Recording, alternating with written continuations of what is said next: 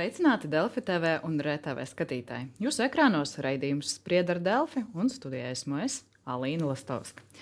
Valsts asins donoru centrs gada nogalē rīkoja informatīvo kampaņu, lai mudinātu ziedot asinis un arī piesaistītu donoru kustībai gados jaunākus cilvēkus. Kopumā iepriekšējā gadā Latvijas iedzīvotāji ziedojuši asinis teju 60 tūkstošu reižu, kas ir rekordaugsta aktivitāte. Par donoru piesaisti, asins ziedošanu un arī citiem jautājumiem šodien runāsim ar Valsts asins donoru centra direktoru Egitu Poli. Sveicināti! Sveiki! Un arī kulinārijas blogeru, bet arī asins donoru, donoru centra kampaņas vēstnesi Roju Puķu. Sveicināts! Čau. Un, uh, es arī atgādināšu par iespēju skatītājiem iesaistīties. Jautājumus var uzdot arī vietnē slaido, slaido.com slīpsvītra asins donori. Gaidīsim arī jūsu jautājumus. Bet tas, ar ko es gribētu sākt, mēs zinām tradicionāli pirms svētkiem un arī pēc svētku laikā mēs runājam arī par donoru aktivitāti, asins krājumiem un tad uh, par to aktuālo situāciju pašlaik. Nu jā, kā jūs redzat, šajās asins piepildījuma stabiņos, tradicionāli nultā grupā, reizes negatīvais, reizes pozitīvais mums būtu donori vairāk nepieciešami, bet tāpat laikā, kā jūs minējāt, rekorda augsta aktivitāte un pirms svētkiem pēdējās dienas pirms svētkiem mums bija ļoti, ļoti liels donoru pieplūdums. Pat veidojās tādas nelielas rindiņas, par ko mēs esam milzīgi pateicīgi visiem donoriem. Un tas mums ļāva šīs brīvdienas un arī Ziemassvētku brīvdienas pavadīt salīdzinoši mierīgi un slimnīcas ar visu prasīto nodrošināt donori, ja tā, tādi apzinīgi cilvēki jau saprata, ka uz svētkiem vajag parūpēties par tādiem lielākiem krājumiem. Gan tas, gan es domāju, varbūt tā bija tāda vecā gada darba sarakstā vēl bija paredzēta šī lieta. Tas ir ļoti labi. Kā ir ar tādu nu, kampaņu veidīgumu? Nu, pirms Ziemassvētkiem mēs zinām, mēs domājam vairāk par labdarību, labajiem darbiem, citām lietām, ko mēs izdarām arī nu, domājot par citu cilvēku labklājību. Kā nu, pēc tam mēs vērojam tādu atslābumu cilvēkiem, kā jūs domājat, kā būs ar uh, donoru? Nu, jā.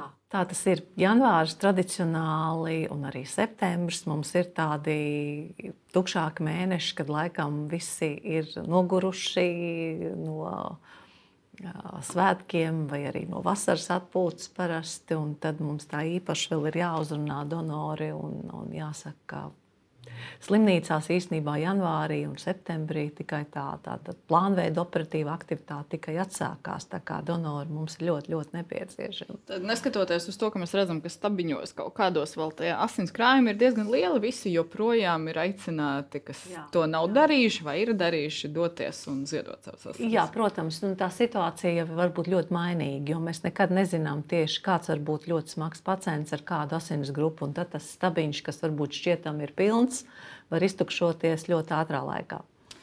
Par kampaņu un asins ziedošanu. Nu, vai tad kampaņas nu, sākums un nu, būšana par vēstnesi bija arī tas, kas mudināja pirmo reizi ziedot asins? Jā, noteikti.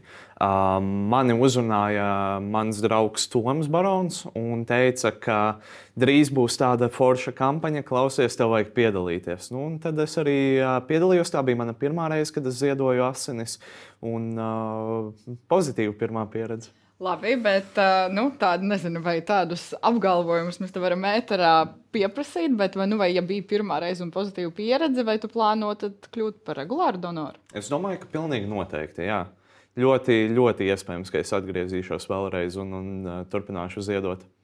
Ja mēs runājam par šo kampaņu, nu, tas, par ko jūs runājāt, ka arvien palielinās vidējais vecums asins donoriem, nu, mēs zinājām kopā mēs runājam par sabiedrības novecošanos, vai tā nav tāda normāla tendence un parādība, ar ko mēs arī dzīvosim uz priekšu? Nu, kāpēc svarīgi to mainīt? Jā, nu, īstenībā parādība, ar ko mēs dzīvosim, tā, protams, ir. Jo sabiedrība noveco Latvijā, kā arī, kā arī Eiropā. Mēs to redzam, bet tieši tāpēc mums ir jāpieliek lielāks pūles, kas varbūt kādreiz nebija tik ļoti jāpieliek, lai uzrunātu jauniešus un piesaistītu jauniešus. Un tāpēc mums ir liels prieks par šo kampaņu un arī par Roju, kas tik aktīvi iesaistījās ar, ar, ar pavisam īpašām aktivitātēm. Un, uzrunāja cilvēkus, kuri klausās un seko tieši vienaudžiem. Un, un tas ir ļoti būtiski neiet ar tādām varbūt, lietām, kas mums liekas, kas varētu strādāt, bet padomāt, kas tiešām strādā tajā jauniešu auditorijā. Labi, bet mēs runājam par vecumu. Tad 38 gadi bija nu, tas vecums Jā. līdz šim, un es saprotu, ka ik pa gadiem tas aug ar vien Jā. lielāks kļūst, tas vidējais donoru vecums. Nu, kāpēc tas ir slikti? Nu, tāpēc, kad līdz ar vecumu mums arī mēs kļūstam vecāki paši, kā donori, tā arī nedonori. Mēs novecojam, mums parādās daudz dažādas saslimšanas, daudz dažādas arī chronisku slimību sāsināšanās, kas atkal mums liedz būt don, par donoriem. Un, un līdz ar to tas donoru skaits atkal samazinās. Tomēr, jo cilvēki visu mūžu garumā reti kurš var uh, būt asins donors. Tādi ir, protams, un milzīgs paldies viņiem par to. Bet, uh, protams, uh, jauns cilvēks ir veselāks, līdz ar to viņam ir lielākas iespējas par šo donoru kļūt. Ja mēs runājam par rezultātiem, publiski asins donoru centrs jau teica, nu, ka kampaņa ir palīdzējusi. Tad, pirmreizējais donoru vecums nu, kampaņas mēneša laikā bija 28 gadi. Nu, tas ir tas rezultāts, uz ko jūs arī cerējāt, vai mērķis bija nu, nezinu, vēl jaunāki? Ne, es domāju, tas, protams, ir rezultāts, uz ko mēs cerējām. Vienmēr var vēlēties labāk, bet es domāju, ka šajā situācijā liekas, kampaņa sasniedza tiešām to auditoriju, kas viņai bija jāsasniedz. Mēs pēc gada, gada beigu donoru pieplūdumu un arī pēc šo jauno un pirmreizējo donoru skaitu, un pēc, pēc tā, ka mēs redzam, ka tie ir jaunāki donori, redzam, ka viņi ka tas mērķis ir sasniegts. Līdz ar to mēs tādā garā arī turpināsim. Cik daudz bija vispār šīs kampaņas laikā tieši pirmreizējo donoru? Pirmreizējie donori bija 684. Bet uh, 592 bija tieši tādi donori, kurus piesaistīja, kur atzīmēja kādu no šiem kampaņas vēstnešiem, tātad, kurus tieši bija uzrunājusi kampaņa, kur iesaistījās, tā varētu teikt, šai sacensībā. Kādas bija izmaksas šai kampaņai? Kampaņas izmaksas bija tātad publisks iepirkums, tie bija 20 000 eiro. Un tad, nu, runājot par to ieguldījumu, jūs sakat, ka nu, tad, tad, tad, tas ieguldījums bija tā vērts. Ja mēs runājam, ka 500 cilvēkus vismaz tieši uzrunājusi kampaņa, Jā. tas ir tas. Jā, es domāju, ka pilnīgi noteikti mēs par to varam runāt, ka tās nav lielas izmaksas priekš salīdzinoši ar kampaņu cenām, kādas mēs to redzam šobrīd.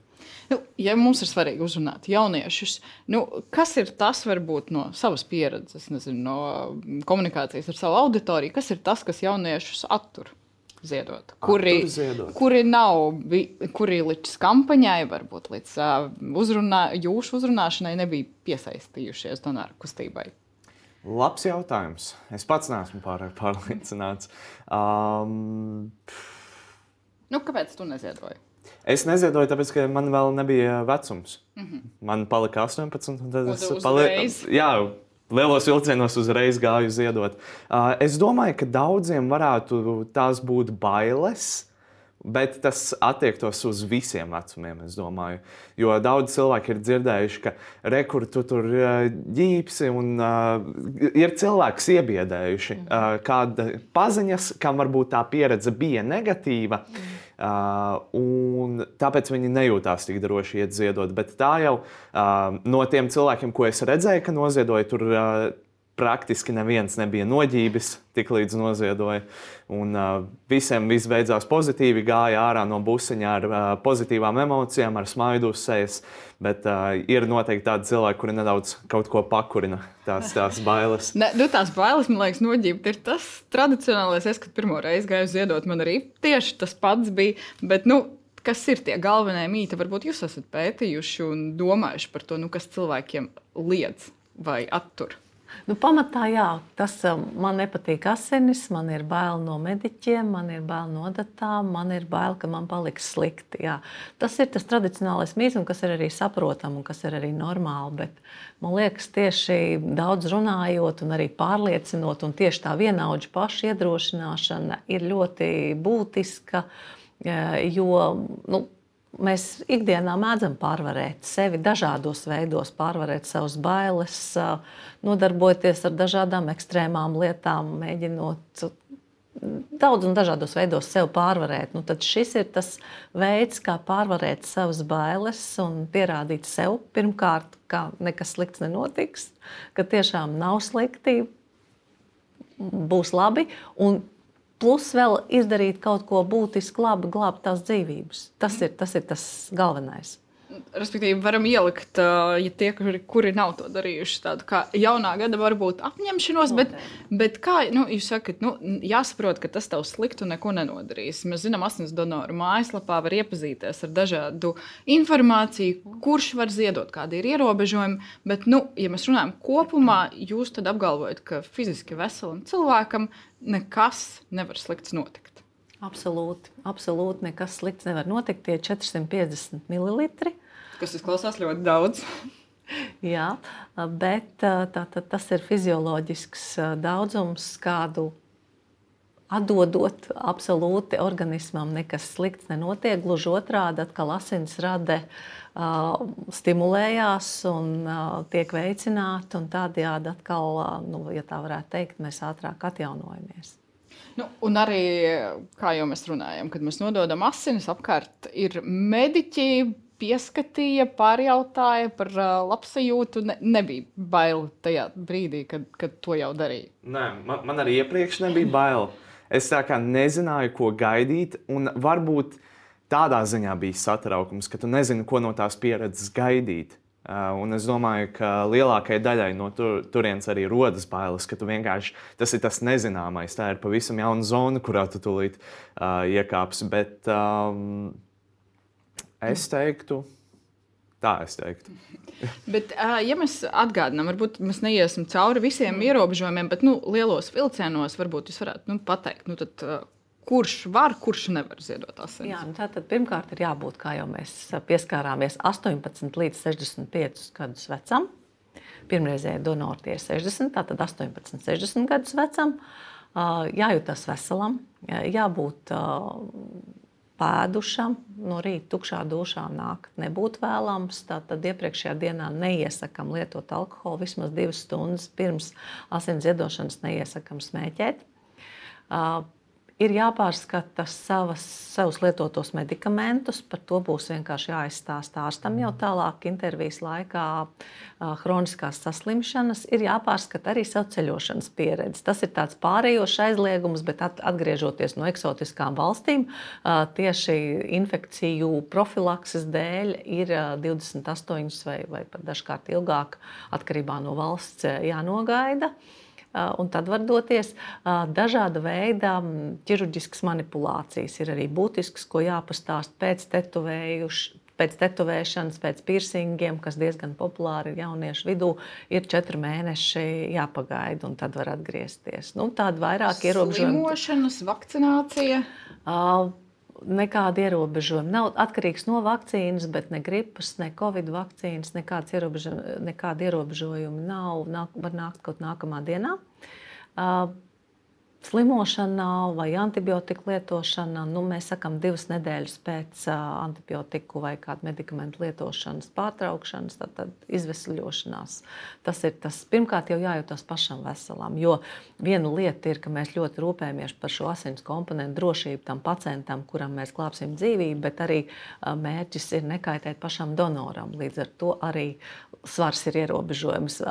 Mazāks svars par 50 kg donoram. Tātad Tur mēs varam secināt, ka šīs asins ir pašam nepieciešams jau šobrīd. Hemoglobīna līmenis, ja mazasinība tā, tā saucamā, ko mēs arī nosakām vizītes laikā pirms donēšanas, tas ir būtisks faktors, lai nekaitētu arī pašam donoram sākam runāt par to, ka jābūt arī pēdušam, vai tev kā nu, tu ar šo nodarbojies, kulinārijas blogeris, tā mēs tevi saucam. Nu, ko tu varbūt ieteiktu maltīti pirms vai maltīti pēc asins ziedošanas, lai atjaunotu tās dzelzceļa rezerves? Es varu pateikt, ko es ēdu tajā rītā, pirms es devos ziedot uh, pliku maizi ar pliku vistu. Tiešām es neko citu nēdu. Svarīgi ir skatīties uz to, lai tev nepaceļās pārāk augstas hemoglobīna līmenis. Tātad jāēd mazāk tauki. Uh, un varbūt nevajag pārspīlēt ar cukuru. Tā kā uh, jebkādi dārzeņi, uh, liesas gaļas, Sanāk, uh, vista un lielops, daži lielopa griezumi, tie liesākie. Un, uh, un pēc tam, lai atgūtos? Lai atgūtos, tas, ko es ēdu, tas bija daudz, tie bija daudz žāvēti augļi. Tas ir tas, ko es ēdu. Daudz žāvēti augļi un daudz gaļa. Tas ir kā es atgūos. Mēs sākam runāt par to, ko, kurš var ziedot, kādi ierobežojumi ir pēc tam, kad tu esi ziedojis asinis. Uh. Kad tu esi ziedojis asinis, nu, principā jā, jāstāsta, kāda ir pašsajūta, bet mēs tajā dienā tikai neiesakām, nu, varbūt doties uz fiziskiem spēku treniņiem, arī varbūt karsēties pirtī vai, vai veikt tādas procedūras ar lielām temperatūras svārstībām, bet principā nekāda ierobežojuma nav. Pusstundu pēc asins ziedošanas mēs ieskam tomēr pagaidīt, pavērot savus sajūtas un nebraukt ar automašīnu. Bet tas viss ir ļoti individuāli. Principā nekāda ierobežojuma citu nav.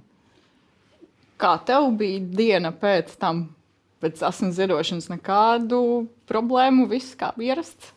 Uh, aizbraucu uz veikalu, savācu kādas desmit paciņas ar žāvētiem augļiem, devos mājās un gulēju gultā atlikušo dienu. Nē, nu, man vajadzēja nedaudz pakraut kastes nedaudz pakustēties. Un es varbūt tajā brīdī jūtu, ka man ātrāk nogurst rokas. Ir tāds viens maziņš blakus efekts, taču visu atlikušo dienu, izņemot, tad, kad es uh, cilāju kastes, es tiešām neko, neko nejūtu. Ja mēs runājām par tādu motivāciju, jūs jau pieminējāt, un mēs varam atgādināt par to dzīvību glābšanu, tad cik viens donors var izglābt dzīvību? Nu, tad mēs sakām, ka viens donors var izglābt dzīvību trīs cilvēkiem, jo no šīm 450 ml, ko mēs runājām, mēs sagatavojam trīs komponentus. Tie ir eritrocīta masa, trombocīta masa un plazma. Katru viņu pārlēja pie citām indikācijām, citās situācijās. Katram ir savs uzglabāšanas nosacījumu un derīguma termiņš. Tad būtībā mēs sakām trīs cilvēki, bet bieži glābjot dzīvību, vajag daudz vairāk donoru palīdzības. Pēc lielām orgānu transplantācijām, dažkārt pat 40 donoru palīdzība ir nepieciešama, lai glābtu konkrētā pacienta dzīvību. Kas vēl pienākās donoram? Mēs zinām, var izņemt brīvdienu. Jā, brīvdienas šobrīd pēc darba likuma pienākās gan tajā dziedošanas dienā, gan arī vēl papildus jebkurā dienā gada laikā. Tas ir jā, jāuzsver, ka tas ir milzīgs bonus, kas ir Latvijā, kas nav citās valstīs. Uh, jaunā regula, mēs nezinām, vai šo brīvdienu mums atļaus saglabāt tieši tādā veidā. Mēs ļoti ceram, ka jā. Tad vēl mēs dodam arī tādu uzkodu paciņu, speciāli izstrādāts asins donoru batoniņš enerģijas atgūšanai un arī pudelīte ar ūdeni. Tas ir tas, kas galvenokārt ir Ja mēs runājam, jūs pieskarāties jā, par to brīvdienas saglabāšanu, tad principā nākotnē varētu būt bažas, vai mēs varam turpināt piešķirt donoriem to brīvdienu. Nu, šajā brīdī tādu bažu vēl nav, bet mēs ļoti strādājam pie tā, lai tādas bažas arī nerastos, lai, lai, lai mēs ļautu uh, arī mūsu donoriem šo brīvdienu saglabāt, jo tas ir ļoti, ļoti būtiski tieši Latvijas donoru kustībai. Visā pasaulē un arī Eiropā ir nedaudz citas tradīcijas, un princips vispār ir runāt par asins ziedošanu kā par bezatlīdzību, un tā mēs arī runājam. Nekāds ne ūdens, ne batoniņš, ne brīvdiena nevar to samaksāt, un nekāda nauda to nevar samaksāt. Tos vairāk mēs uzskatām par tādiem papildus bonusiem, kas vienkārši rada prieku vai atvieglo ikdienu, bet nekādā gadījumā mēs nevarētu uzskatīt, ka tā būtu kāda samaksa par, par asins komponentiem, jo tā ir bezatlīdzības ziedošanas kustība visā pasaulē. Varbūt arī baidoties no kaut kādiem tādiem varbūt kādās valstīs um, nu, sliktiem uh, piemēriem arī, arī tas tiek ļoti uzsvērts un par to tiek diskutēts regulas izstrādes sakrā. Un tie, man liekas, ka pāris eiro, ka tas tiek pārskaitīti donoriem, ja viņi neatsakās no šīs opcijas, tas ir tāds, nu, tā kā uh, par ceļu atlīdzību. Tas ir būtībā ceļa izdevuma kompensācija 4,27. Kādreiz tie bija trīs lati, pārveidojot, tas, tas sanāk šādu summu. Un, un, un, to tiešām jāuzskata par tādu transporta kompensāciju, bet nekā savādāk. Kas bija tava galvenā motivācija ziedojot asinis? Mana galvenā motivācija, nu, tas bija kampaņas laikā, kad es pirmo reizi nodevu asinis. Un, uh, es iepriekš biju par to domājis tīri pieredzes dēļ. Tas bija, kā es 16 gados domāju par to, ka vajadzētu aiziet, noziedot asinis. Uh, bet tad, kad man bija 18 gadi, es nedaudz biju par to piemirsis par asins ziedošanu. Un tad, kad uh, mans draugs man uzzvanīja, tad man galvenā mo uh, motivācija, lai ietu ziedot asinis, bija pievērst pēc iespējas vairāk cilvēku uzmanību. Mhm. Un tad mēs nu, ne brīvdienu laikam, ne nekas cits, bet nu, tieši runājam par dzīvību glābšanu. Tas ir tas arī galvenais, kāpēc tā liekas svarīgi pievērsties. Tam. Jā, un es domāju, ka tā arī vajadzētu būt lielākajai daļai cilvēku. Jāsaprot, ka asins ziedošana tas ir ne gluži pienākums, bet lieta, ko vajadzētu darīt. Ja tu esi spējīgs, tad tev vajadzētu palīdzēt sev apkārtējiem cilvēkiem, latviešiem, kam šīs asins ir vajadzīgas. Tas, kā es to uzskatu. Tas arī runājot ar donoriem, to jūs arī kā galvenais motivators ir. Jā, es atvainojos. Jā, būtībā arī aptaujās mēs redzam, ka uh, nu, principā informētība un informācija, un tāpēc mēs par to runājam, ir pats svarīgākais. Bet visbiežāk donori norāda, ka tieši tas personīgie stāsti, tuvinieki, draugi, nelaime un uh, asins pārliešanas nepieciešamība ir tas motivējošākais faktors kad mēs redzam, ka tiešām tas ir nepieciešams un ka tas var palīdzēt. Jo citādi varbūt ikdienā mēs par to arī neaizdomājamies. Runājam jau par šo kampaņu, ko jūs sakat, nu, kas ir sekmīga. Šogad arī ir paredzēts kaut kādas plašākas informatīvās kampaņas. Varbūt jūs varat uh, ieskicēt, par ko jūs runāsiet, kas būs tie galvenie vēstījumi. Es domāju, noteikti mēs to esam plānojuši. Atkal uz rudeni mēs atkal domāsim, kā pievērsties jauniešiem un kā uzrunā tieši jaunieši, bet visa gada garumā, protams, mums ir pastāvīgi jārunā par šo donoru kustību. Jo, kā jau saku, um, mēs nevaram strādāt kampaņu veidībā. Mums jāstrādā pastāvīgi, jo asins uh, substancēm, kā dzīvai, dzīvai bioloģiskai vielai, ir savs derīguma termiņš, un mēs nevaram strādāt kampaņu veidīgi un pēc tam kādu laiku neko nedarīt. Jā, mēs runājam par tiem iepriekšējā gada rezultātiem. Tad 59,720 reizes cilvēki ir ziedojuši asins. Tie bija dati noslēdzot saprotu, darba gadu. Rekorda augsta aktivitāte iepriekš bija 57,000. Nu, ar ko jūs saistāt šo pieaugumu? Es domāju, tiešām ar mūsu aktivitātēm, ar uzrunāšanu, ar šīm kampaņām arī Un arī ar to, ka mums pagājušā gadā sākā mūsu jaunais elektrobuss braukāt, tad mēs ieguvām vienu papildus palīgu savā donoru kustībā, lai mums ir gan lielais autobus, gan mazais elektroautobus, kas katrs var doties savā virzienā un savā laikā un vietā. Tas, protams, viss veicina donoru kustību, un mēs tiešām esam priecīgi, ka tas tā notiek. Ja mēs runājam par šo gadu, kas ir tas mērķis, vai jums ir nezinu, ziedošanas reižu skaits, vai kopējais donoru skaits, vai tādos ciparos jūs mērķus nenosakāt? Tādos cipros mēs nenosakām. Mēs, protams, ceram, ka tik maz pietrūka līdz 60 tūkstošiem, ka mēs šo būtisko un vēsturisko slieksni arī šajā gadā pārkāpsim, un donoru būs vairāk. Protams, mums mērķis ir strādāt, lai mēs nodrošinātu slimnīcas pieprasījumu. Ja slimnīcas pieprasījums būs mazāks, attiecīgi mums vajadzētu sagatavot mazāk šos asins komponentus, bet mēs redzam, ka diemžēl pieprasījums nemazinās, un nestoties uz donoru skaitu pieaugumu, arī bieži bija tādas situācijas, ka mēs visu prasīto nemaz slimnīcām nevarējām nodrošināt, jo tiešām palielinās kronisko pacientu skaits slimnīcās, kuriem nepieciešams asins pārliešanas. Arī lielās operācijas, kas, protams, ir labi, bet tas, ka palielinās šo slimnieku skaits, tas ir atkal tā nu, nelaba tendence, kas mums liek strādāt vairāk un kopā domāt par sabiedrības veselību. Mēs pieminējam tās uh, reizes, cik tiek ziedotas asinis. Jūs varētu ieskicēt sīkāk. Nu, ir daudz pirmreizējo donoru vai cilvēku, kas kādreiz bija noziedojuši, biežāk ziedo. Kā, kādas ir tie novērojumi no jūsu puses? Um, principā, jā, mēs. Uh...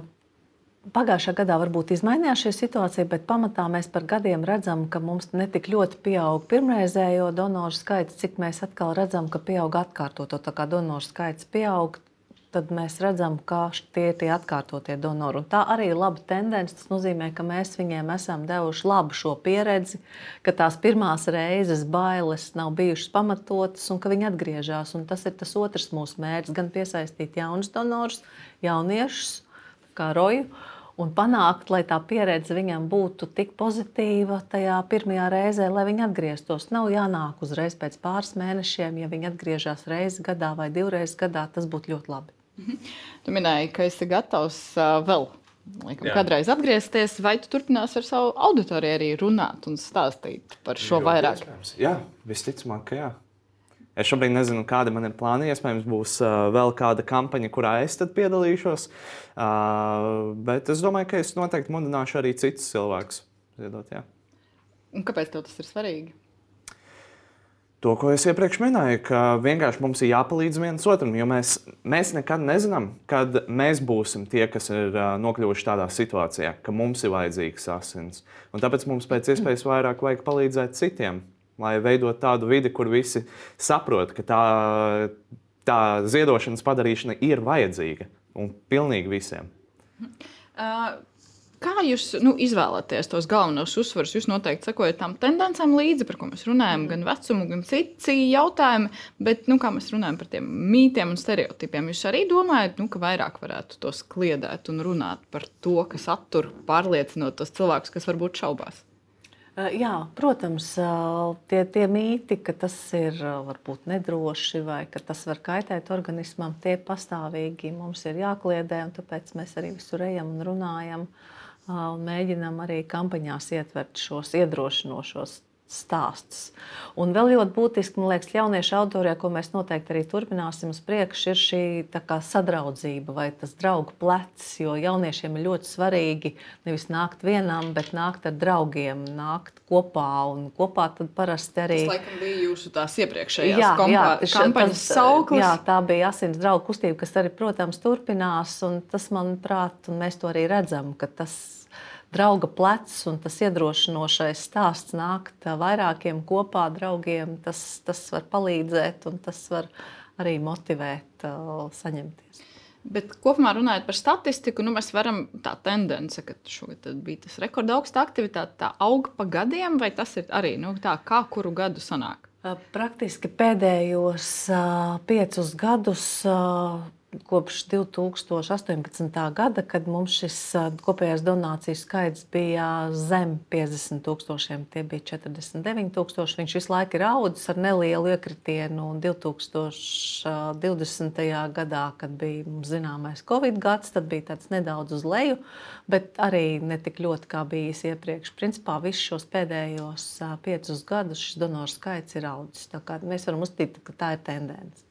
Mēs runājām par to, kas attur cilvēkus pašus ziedot, runājot par jūsu kapacitāti. Jūs pieminējāt jaunu autobusu, noteikti ziedošana un donoru pieņemšana ir arī ne tikai Rīgā, bet arī reģionos. Kas no jūsu puses jūs redzat, ka ir kaut kādi nu, faktori, ko jūs varētu uzlabot, lai to kapacitāti palielināt, vai tas ir nepieciešams? Tas ir ļoti labs un arī ļoti sāpīgs jautājums. Tas, protams, ir cilvēku resursu jautājums. Tas ir mediķu jautājums, ar, par ko mums ir jādomā un jācīnās, lai mums būtu pietiekams skaits ārstu, ārstu palīdzību, kas veic šīs intervijas, kas mums ir ļoti, ļoti grūts un sāpīgs jautājums, un arī māsu un pārējā medicīnas personāla jautājums, kas ar donoriem strādā. Mēs cenšamies, lai viņš būtu pietiekams, bet līdzīgi kā visās ārstniecības iestādēs, tas ir ļoti liels izaicinājums šobrīd.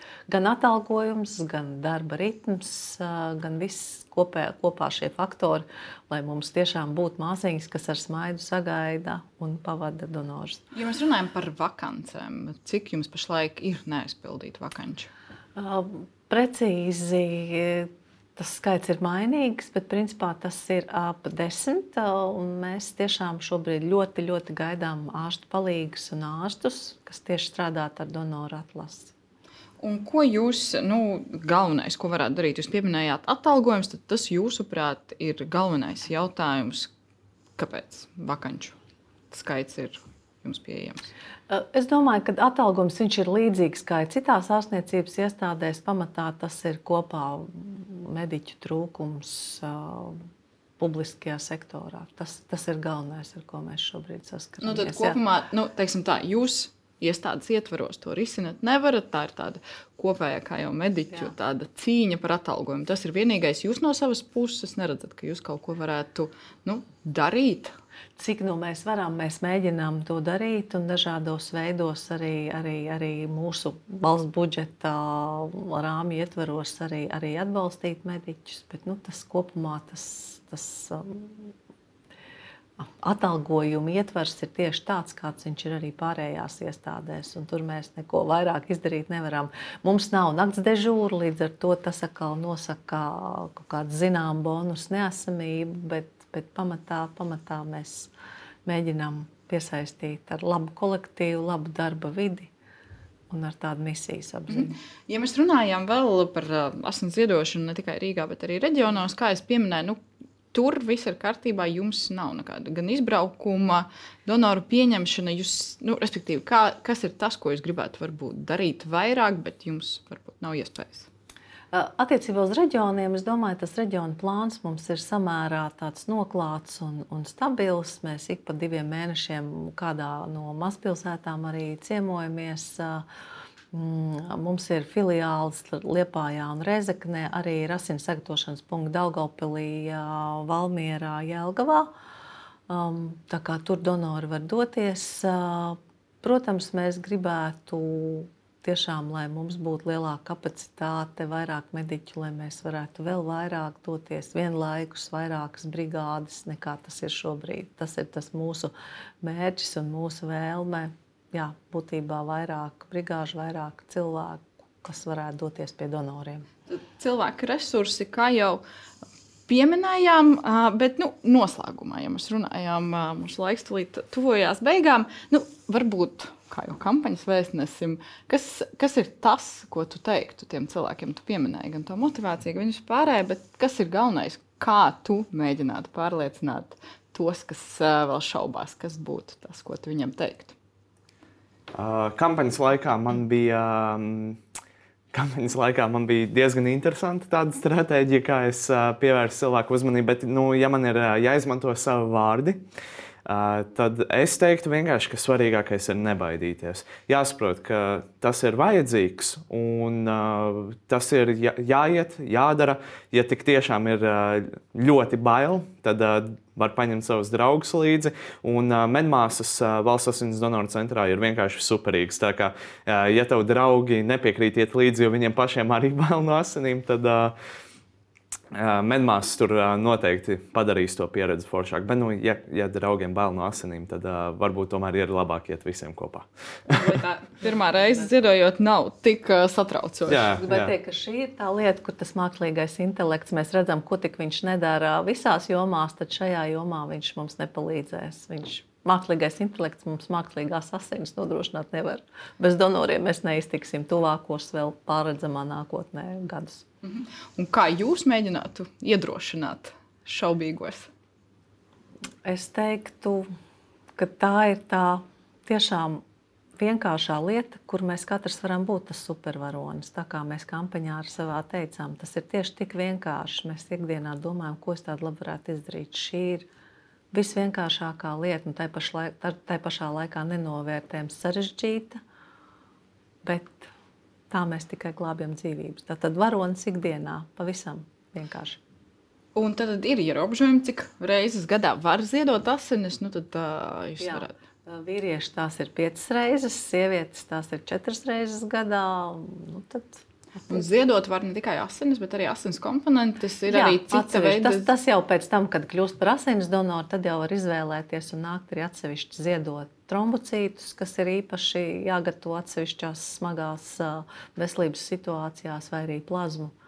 To var visu darīt, un to mēs visi arī nodrošinām. Bet pamatā jāsāk ar pilnesības ziedošanu. Tas ir pirmā reize, kad asins ziedošana, bet kā, kā ir ar plazmas donoriem, trombocītu donoriem? Jūs pieminējat, ir pietiekami Mēs, protams, varētu gribēt arī vairāk attiecībā uz trombocītu donoriem. Mēs viņus speciāli izsaucam, kad ir konkrēti jau mums zināmie donori, kad ir konkrēti, konkrētas asins grupas donors ir nepieciešams. Tad viņi, mēs, viņus mēs izsaucam, viņi arī tiešām nāk.